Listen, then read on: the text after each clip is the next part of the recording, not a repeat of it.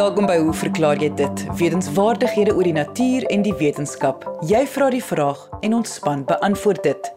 My naam is Lise Swart en ons paneelkenners vandag is teoretiese fisikus professor Hendrik Geier, ekoloog Dave Peppler en medikus Dr Heinz Middler. Onthou as jy 'n vraag het, stuur jou e-pos na lise, dit is L I S E by rsg.co.za. Jy mag onder 'n skuilnaam skryf of vra om anoniem te bly. Ons eerste vraag van die dag word gevra deur Helena Groenewald van Modimolle en beantwoord deur ekoloog Dave Peppler. Helena skryf: Ek is lief daarvoor om voëls dop te hou, hoewel ek glad nie dink ek is 'n kenner nie. Een spesies vir wie ek 'n sagte plekkie het, is die geelvinke. Hulle maak gereeld hulle nessies in die bome in die veld voor my huis. Ek het al gehoor dat mense beweer dat hierdie vinke weet of dit die somer baie gaan reën of nie. In droë somers hang die nessies baie laag, maar in nat somers bou hulle die nessies baie hoog. Is daar enige waarheid in hierdie storie? Die vinke bou vanjaar hul nessies ekstra laag, skaars 2 meter van die grond af. Dave Peppler? Dag Lise, lekker vraag oor kan vinke of uh, eintlik diere die weer voorspel. Maar kom ek begin by die mitologiese. My ouma Lily het 'n weerdonkie gehad. Dit was 'n porseleindonkie wat uh wat met lakmoes geverf is. Met ander woorde, jy dink dit pink of blou geword. Uh dan het hy twee leerore gehad en 'n uh, 'n uh, 'n donse gestert dan was daar 'n uh, klein briefie by wat gesê het as die uh, donkie blou is, gaan dit reën. Ehm um, as die ore pap voel, is dit humiditeit en dan die heel laaste punt was as die stert uitval, is daar 'n aardbewing. Ons is geneig om veral as jy 'n jagter of 'n visserman is uh, of 'n boer te kyk na jou omgewing en daaruit die weer te probeer voorspel. Nou ons het getuienis uit die wetenskap al redelik vroeg en hier na die Tweede Wêreldoorlog het Colin Pennyquick wat ek uh, gelukkig was om te ontmoet die beweging van swane Bewick swane tussen IJsland en Skotland. Nou kan jy dink dat 'n swaan so onnosel kan wees om te oorwinter in Skotland. Jy weet ten beste van daai Skotland so nat en triestig, maar in elk geval as jy nou in IJsland in die somer is, dan is dit dalk 'n bestemming en hulle het uh, dan uh, iemand neergesit in IJsland en die noorde van Skotland en dan die weer dopgehou. En met 'n komende front of 'n laagdruk het die swane eenvoudig bly sit. Hulle alhoewel hulle reg was om te vlieg, het hulle gesit tot daai storm verby is. Hulle dit lank voor die tyd geweet. Nou ja, wat is weer? Weer is die toestand van die atmosfeer in terme van of dit warm of koud is, droog of nat, kalm of stormagtig, oop of toegetrek met wolke. En hierdie stelsel is beperk tot die troposfeer. Hierdie laag ongeveer 18 km diep van die gasse om die aarde en 75% van die massa uh, van water kom in hierdie troposfeer voor. Nou ja, water is natuurlik maak wolke en reën. Die drywers van hierdie groot stelsel is lugdruk. Ons weet al te goed daai warm wind wat waai in die Kaap voor die reën kom, saamgeperste lug. Temperatuur, is dit winter of somer en dan ook verskille in voggehalte tussen plekke met ander woorde aangrensende diskrete groeperings van verskillende temperature, lugdruk en vog.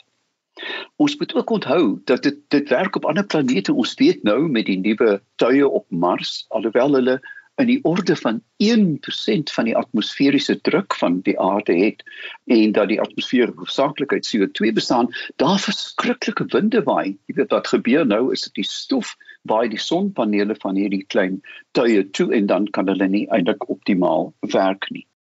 Maar hierdie effek kan natuurlik plaaslik plaasvind soos 'n donderstorm jy staan in die Vrystaat skielik begin daar rukwinde om jou die cumuluswolke styg op en uh, donderweer kom of dit kan op 'n baie baie groot skaal gebeur as 'n mens kyk na wêreldweerpatrone, die sogenaamde roaring forties, hierdie winde wat in die suidelike oseane waai, en dan natuurlik reg om die aarde die intertropiese konvergensiesone, 'n pragtige band van wolke, kan ons dit weer noem in aanhalingsteken, wat osilleer met die seisoene. Dis 'n pragtige oscillasie oor die seisoene en dan in ons somer kom die uh, intertropiese konvergensiesone af na ons toe en daar kom die hoë veldse donderstorms vandaan.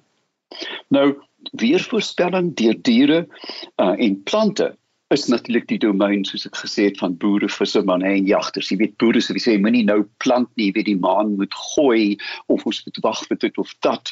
Mense sal sê voor die reën gaan die forel byt, heel moontlik waar en jagters sal ook vir jou sê dat die diere kruip weg want daar is iets aan die kom. Hierdie kennis staan bekend as inheemse tegniese kennis. By plante weet ons byvoorbeeld dat perdewortel, die Engelse pragtige naam dandelion, um, net terloops, die naam kom van die vorm van tandvormige vorm van die blaar en die Franse noem dit don de leon die tand van die leeu in die Engelse kon dit nie uitspreek en toe noem dit sommer dandelion.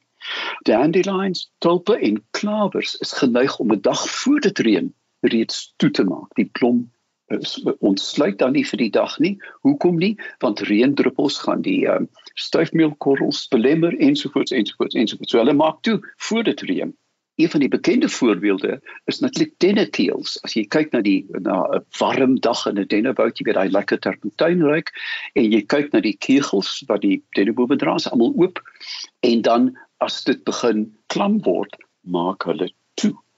Ook die eendag mooi die pragtige uh, morning glory is ook geneig om die blomme nie heeltemal oop te maak voor reën nie. En dan by diere het ons baie meer tasbare gedragspatrone. Vir my van die allermooiste is natuurlik ons bekende reënpadda.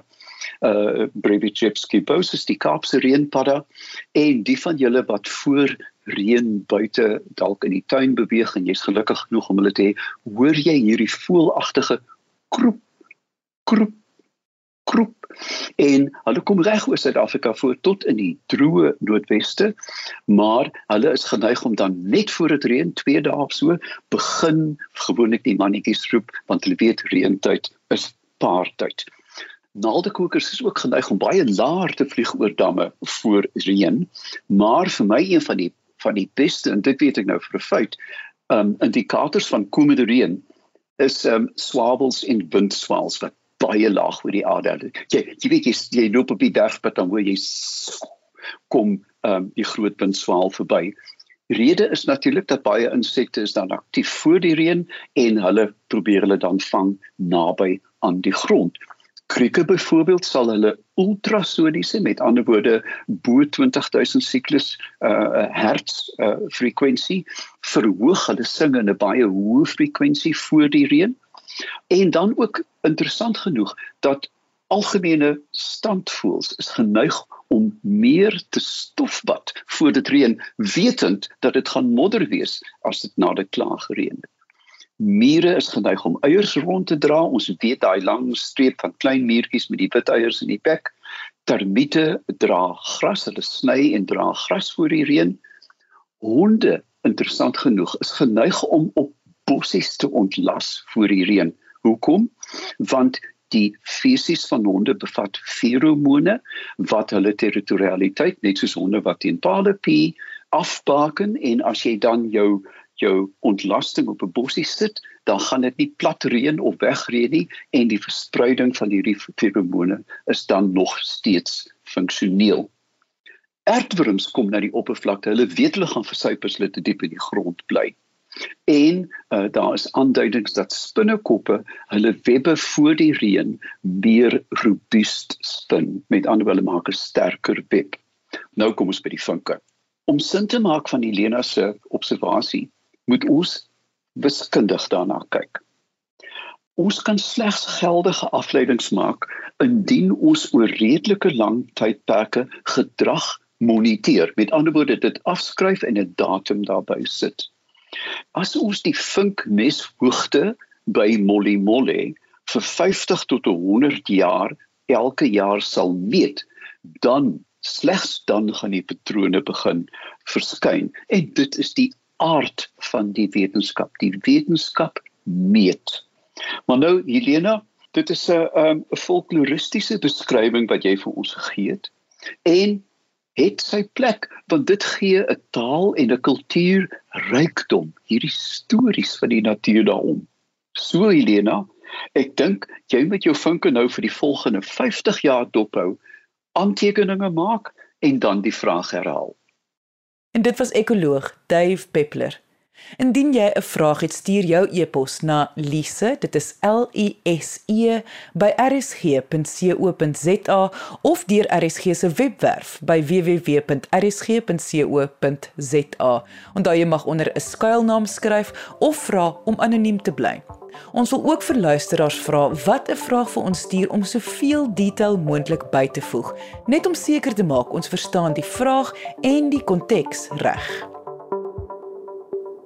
Ons volgende vraag van die dag word gevra deur Lourens en beantwoord deur teoretiese fisikus professor Hendrik Geier. Lourens skryf: Indien 'n mens brandstof op die motorhuis se vloer stort, verdamp dit gou, maar mens kan dit dae later nog steeds ruik. Beteken dit dat die feit dat mens dit nog steeds kan ruik, dit besoedelde lug is wat mens inasem? Dieselfde vraag as iemand dae gelede in 'n vertrek gerook het, maar 'n nie-roker kan dit nog steeds ruik. Beteken dit dat die lug nog onsuiwer is in daardie vertrek? Professor Geier? Nou ek dink weet dis 'n kwessie van wat wat 'n mens nou met onsuiwer of besoedelde lug uh, bedoel.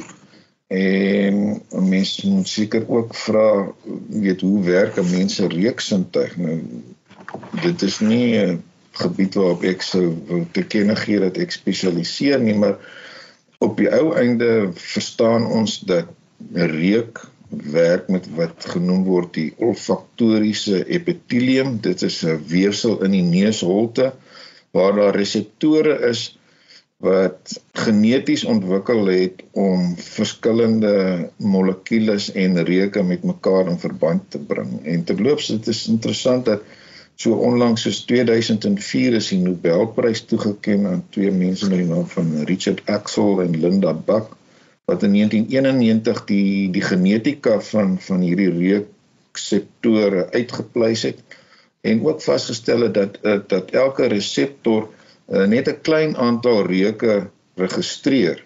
Vir 'n lang tyd het 'n mens tipies gelees dat 'n mens omtrent so 10000 verskillende reuke kan onderskei totdat hier in 2014 'n paar navorsers skielik navorsing gepubliseer het waarvan hulle afgelei het dat daai syfer aansienlik hoër moet wees. Hulle het gepraat van nou is ons weer terug by die kwessie van wat beteken 'n triljoen ensovoorts. Ek gaan my nie daarby inlaat nie. Ek sal maar net sê hulle het gesê 'n mens kan omtrent 'n miljoen maal 'n miljoen verskillende reuke onderskei. Nou duidelik kon hulle nie iemand so baie goed laat ruik nie as teen 'n tempo van een reuk per sekonde sal dit iemand uh, meer as 30000 jaar neem om al daai goed te ruik. So hulle het 'n ander proses gebruik om tot hierdie slotsom te kom. Hulle het begin deur uh, 128 tipes molekules te gebruik en op verskillende maniere te meng met tipies 10, 20 en 30 komponente en dan het hulle uh vrywilligers gekry wat geruik het aan aan drie verskillende goed twee wat identies was en een wat effentjies anders was en moes hulle nou sê of hulle onderskei kon ruik en indien wel watter een. En op hierdie manier het hulle nou uiteindelik sogenaamde kombinatorika gebruik. Met ander woorde, jy sê 'n mens het soveel reseptore, elkeen kan soveel verskillende uh reuke onderskei en as ek nou uh, vra hoeveel verskillende kombinasies is daar en ek gebruik die inligting dat mense hierdie goed kon onderskei, dis hoe hulle by hulle miljoen maal miljoen uitgekom het. Nou daar is redelik gou daarna ander navorsers wat gesê het hierdie mense gebruik kombinatorika en ekstrapoleer hulle hulle resultate op die verkeerde manier. So ek weet nie of dit baie belangrik is om om nou spesifieke syfers hier aan te koppel nie, maar nietemin 'n mens kan 'n groot klomp reuke onderskei. Uh die vraag is hoe sensitief is 'n mens se reuksintuig? Wel dit word dikwels uh, met byvoorbeeld die van honde vergelyk op die basis van die feit dat die totale oppervlak van wat ek genoem het die olfaktoriese epitelium dis nou hierdie weefsel waarin die reseptore gesetel is uh, by 'n mens omtrent 9 vierkante sentimeter is by 'n hond omtrent 170 vierkante sentimeter uh en mense normaalweg daarvan aflei dat 'n uh, hond 'n uh, beter reuksintuig het uh, waarby die mens nog verder moet voeg dat dit skynbaar so is dat daar omtrent 100 maal meer reseptore per vierkante sentimeter by 'n hond is as by 'n mens. Hoe ook al 'n mens kan redelik fyn ruik. Een syfer waarop ek afgekom het is as 'n mens van 'n tipiese eter praat en daar's natuurlik baie verskillende soorte eters, maar tip, vir 'n tipiese eter sê maar die goed wat 'n mens uh destyds in die hospitale veral geruik het, kan 'n mens so laag reuk waarneem as 53 dele per 1000 miljoen.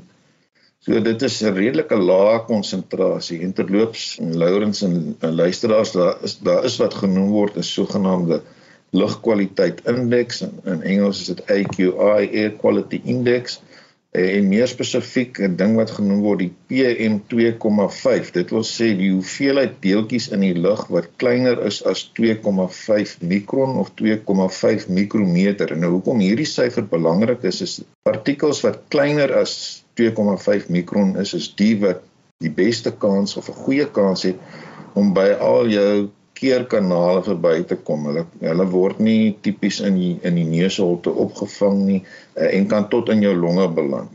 En vir groot stede word hierdie syfer dikwels op 'n daaglikse basis gepubliseer uh en dien ooreenkomstig besluit mense sê maar tipies in China dat dit uh, nie 'n goeie ding is om vir daai dag werk toe te gaan nie hulle bly liewer tuis. So daar is gestandaardiseerde maniere om te kan sê of lug besoedel is Lourens al dan nie maar ek dink die die blote feit dat jy agterna nog 'n bietjie petrol of 'n bietjie rook kan ruik beteken nie noodwendig dat 'n mens nou daar praat van onsuiwer of besoedelde reuk nie. Mens praat miskien net daarvan dat jou reuksintuig goed genoeg ontwikkel is om nog steeds baie lae konsentrasies te kan waarneem.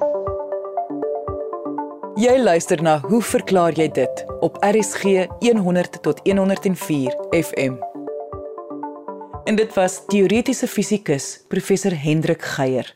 Indien jy 'n vraag het, stuur dit na lise@rsg.co.za. Ons kitsvraag van die dag word gevra deur Stefan Koetser en beantwoord deur medikus Dr Heinz Middler. Heinz, wat is die verskil tussen hallusinasies en drome? Almal van ons droom. Party mense droom meer as ander. Party se drome is aangenaam, ander is nagmerries dit verskil. Maar wat ons nie besef nie is dat meeste van ons drome gaan verlore. Ons weet nie eers ons het gedroom nie. Wanneer jy wakker word, het jy waarskynlik al 'n paar drome deur die nag beleef, maar jy is nie bewus daarvan nie. En wanneer daar 'n droom is wat wat jy kan van onthou, dan binne enkele minute is dit ook dalk vergete. Nou die drome wat jy onthou is gewoonlik die bizarre drome. Jy onthou nie die gewone oninteressante drome nie dit gaan heeltemal weg. So hoe meer ehm um, verrassend en onmoontlik jou droom is, hoe groter is die kans dat jy dit gaan onthou. 'n Droom sal ook bekend as 'n droomhallusinasie en dit is van daar ehm um, die vraag, jy weet, wat is die verskil tussen 'n droom en 'n hallusinasie? Kom ons kyk net na hallusinasies. Mense wat psigoties is, so skizofrene, hulle ly dikwels aan hallusinasies. Hallusinasies en delusies is die bakermat van hulle siekte. Ehm um, 'n delisie is byvoorbeeld 'n absolute oortuiging van iets wat nie bestaan nie. En 'n hallusinasie is iets wat jy sien of wat jy hoor wat ander mense nie kan sien of kan hoor nie. Soos met 'n droom waar jy iets sien. Nou, tydens hallusinasies van psigotiese pasiënte, die mees algemene hallusinasies by hulle is gehoor hallusinasies. Hulle hoor stemme, hulle hoor klanke, hulle hoor inligting wat vir hulle gegee word maar hulle kry ook visuele hallusinasies, maar dit is nie so algemeen as as die gehoor hallusinasies nie. Wanneer hulle visuele hallusinasies kry, verskil dit van droom hallusinasies. Hulle sien gewoonlik voorwerpe of diere of dele van uh, die anatomie. Hulle sien ook uh, dikwels godsdienstverwante beelde en baie vreemde items word in hulle halusinasies gesien en vreemde wesens. So hulle het 'n bizarre patroon van van visuele um, insette wat hulle kry. Drome doen nie dit nie. Drome se halusinasies is anders. Drome is gewoonlik van bekende persone. Um, hulle is deel van die storie van jou droom en en en en die die die storie wat jy volg is abnormaal. Alhoewel die mense bekend is, is dit 'n abnormale verloop en dit is 'n konfabulasie van van stories wat plaasvind wat nie vir jou sin maak nie. En ehm um, dikwels word dit ook ehm um, geassosieer met abnormale vermoëns wat jy het soos dat jy kan vlieg en jy weet en dit is algemeen dat jy vlieg oor jou droom dat jy kan sien maar sentraal tot 'n droomhalusinasie is dat jy is die hoofkarakter. Jy's altyd daar. Dis nie ander mense wat iets vir jou sê of of ander gesigte nie. Jy is die groot rolspeler um tydens jou droom. Nou om te droom, dit vind ook tydens jou REM slaap plaas, jou rapid eye movement slaap. Dis wanneer jy lig slaap en en en en en dit is 'n baie belangrike deel van slaap en 'n mens moet nie jou drome moet jy nie onderbreek nie want dit is um 'n belangrike deel om goed te kan slaap sodat jy die volgende dag weer um, goed kan voel. So dit is 'n groot verskil hoekom uh, hallusinasies en drome verskil. Ehm uh, dit is heeltemal verskil en drome is normaal, hallusinasies van grootste pasiënte is abnormaal en hulle moet behandel word. Interessant genoeg is blinde persone droom ook. As jy byvoorbeeld jou sig verloor het later in jou lewe, dan kan jy nog altyd drome, jy kan nog altyd visuele drome hê, want jou brein is in staat om 'n virtuele realiteit te skep. En dit is basies wat gebeur tydens 'n droom. So jou die brein het 'n verwysingsraamwerk en hy het beelde wat gestoor is in mense wat hy herken en hy kan alles dit gebruik om deel te maak van die storie van die droom. So dis heeltemal moontlik. Indien jy jou sig met geboorte al afwesig is en jy nog nooit kon sien nie, kan jy dit nie doen nie want die brein kan nie 'n virtuele realiteit skep nie. En interessant genoeg ook byvoorbeeld mense met beroertes. Um, ons ken almal as jy 'n beroerte kry dan het jy sê nou maar lamheid of swakheid van jou arm of jou been of jy kan nie lekker praat nie en jy weet al hierdie tipe van effekte wat ons mee vertroud is. Maar daar is ook uh, beroertes wat jy kry waar jou sig aangetast word. Uh, is bekend in persone wat wat hulle kleurvisie verloor. So hulle kan nie meer kleur sien, hulle sien alles in swart en wit. En dan besef hulle na ruk maar as hulle droom, droom hulle ook in swart en wit. So uh, 'n droom is 'n normale ding. Dit weerspieël die fisiologie van jou brein, dit weerspieël wat jou brein mee kan identifiseer, wat hy kan gebruik om 'n virtuele realiteit te skep waar 'n halusinasie in psigotiese pasiënte plaasvind en heeltemal abnormaal is en behandelbaar is. En dit was medikus Dr Heinz Middler. Indien jy 'n vraag het, stuur jou e-pos na lise@rsg.co.za. Jy mag onder 'n skuilnaam skryf of vra om anoniem te bly. Ek sê baie dankie aan ons kenners en vraagstellers vandag. Onthou om altyd nuuskierig te bly en altyd vrae te vra.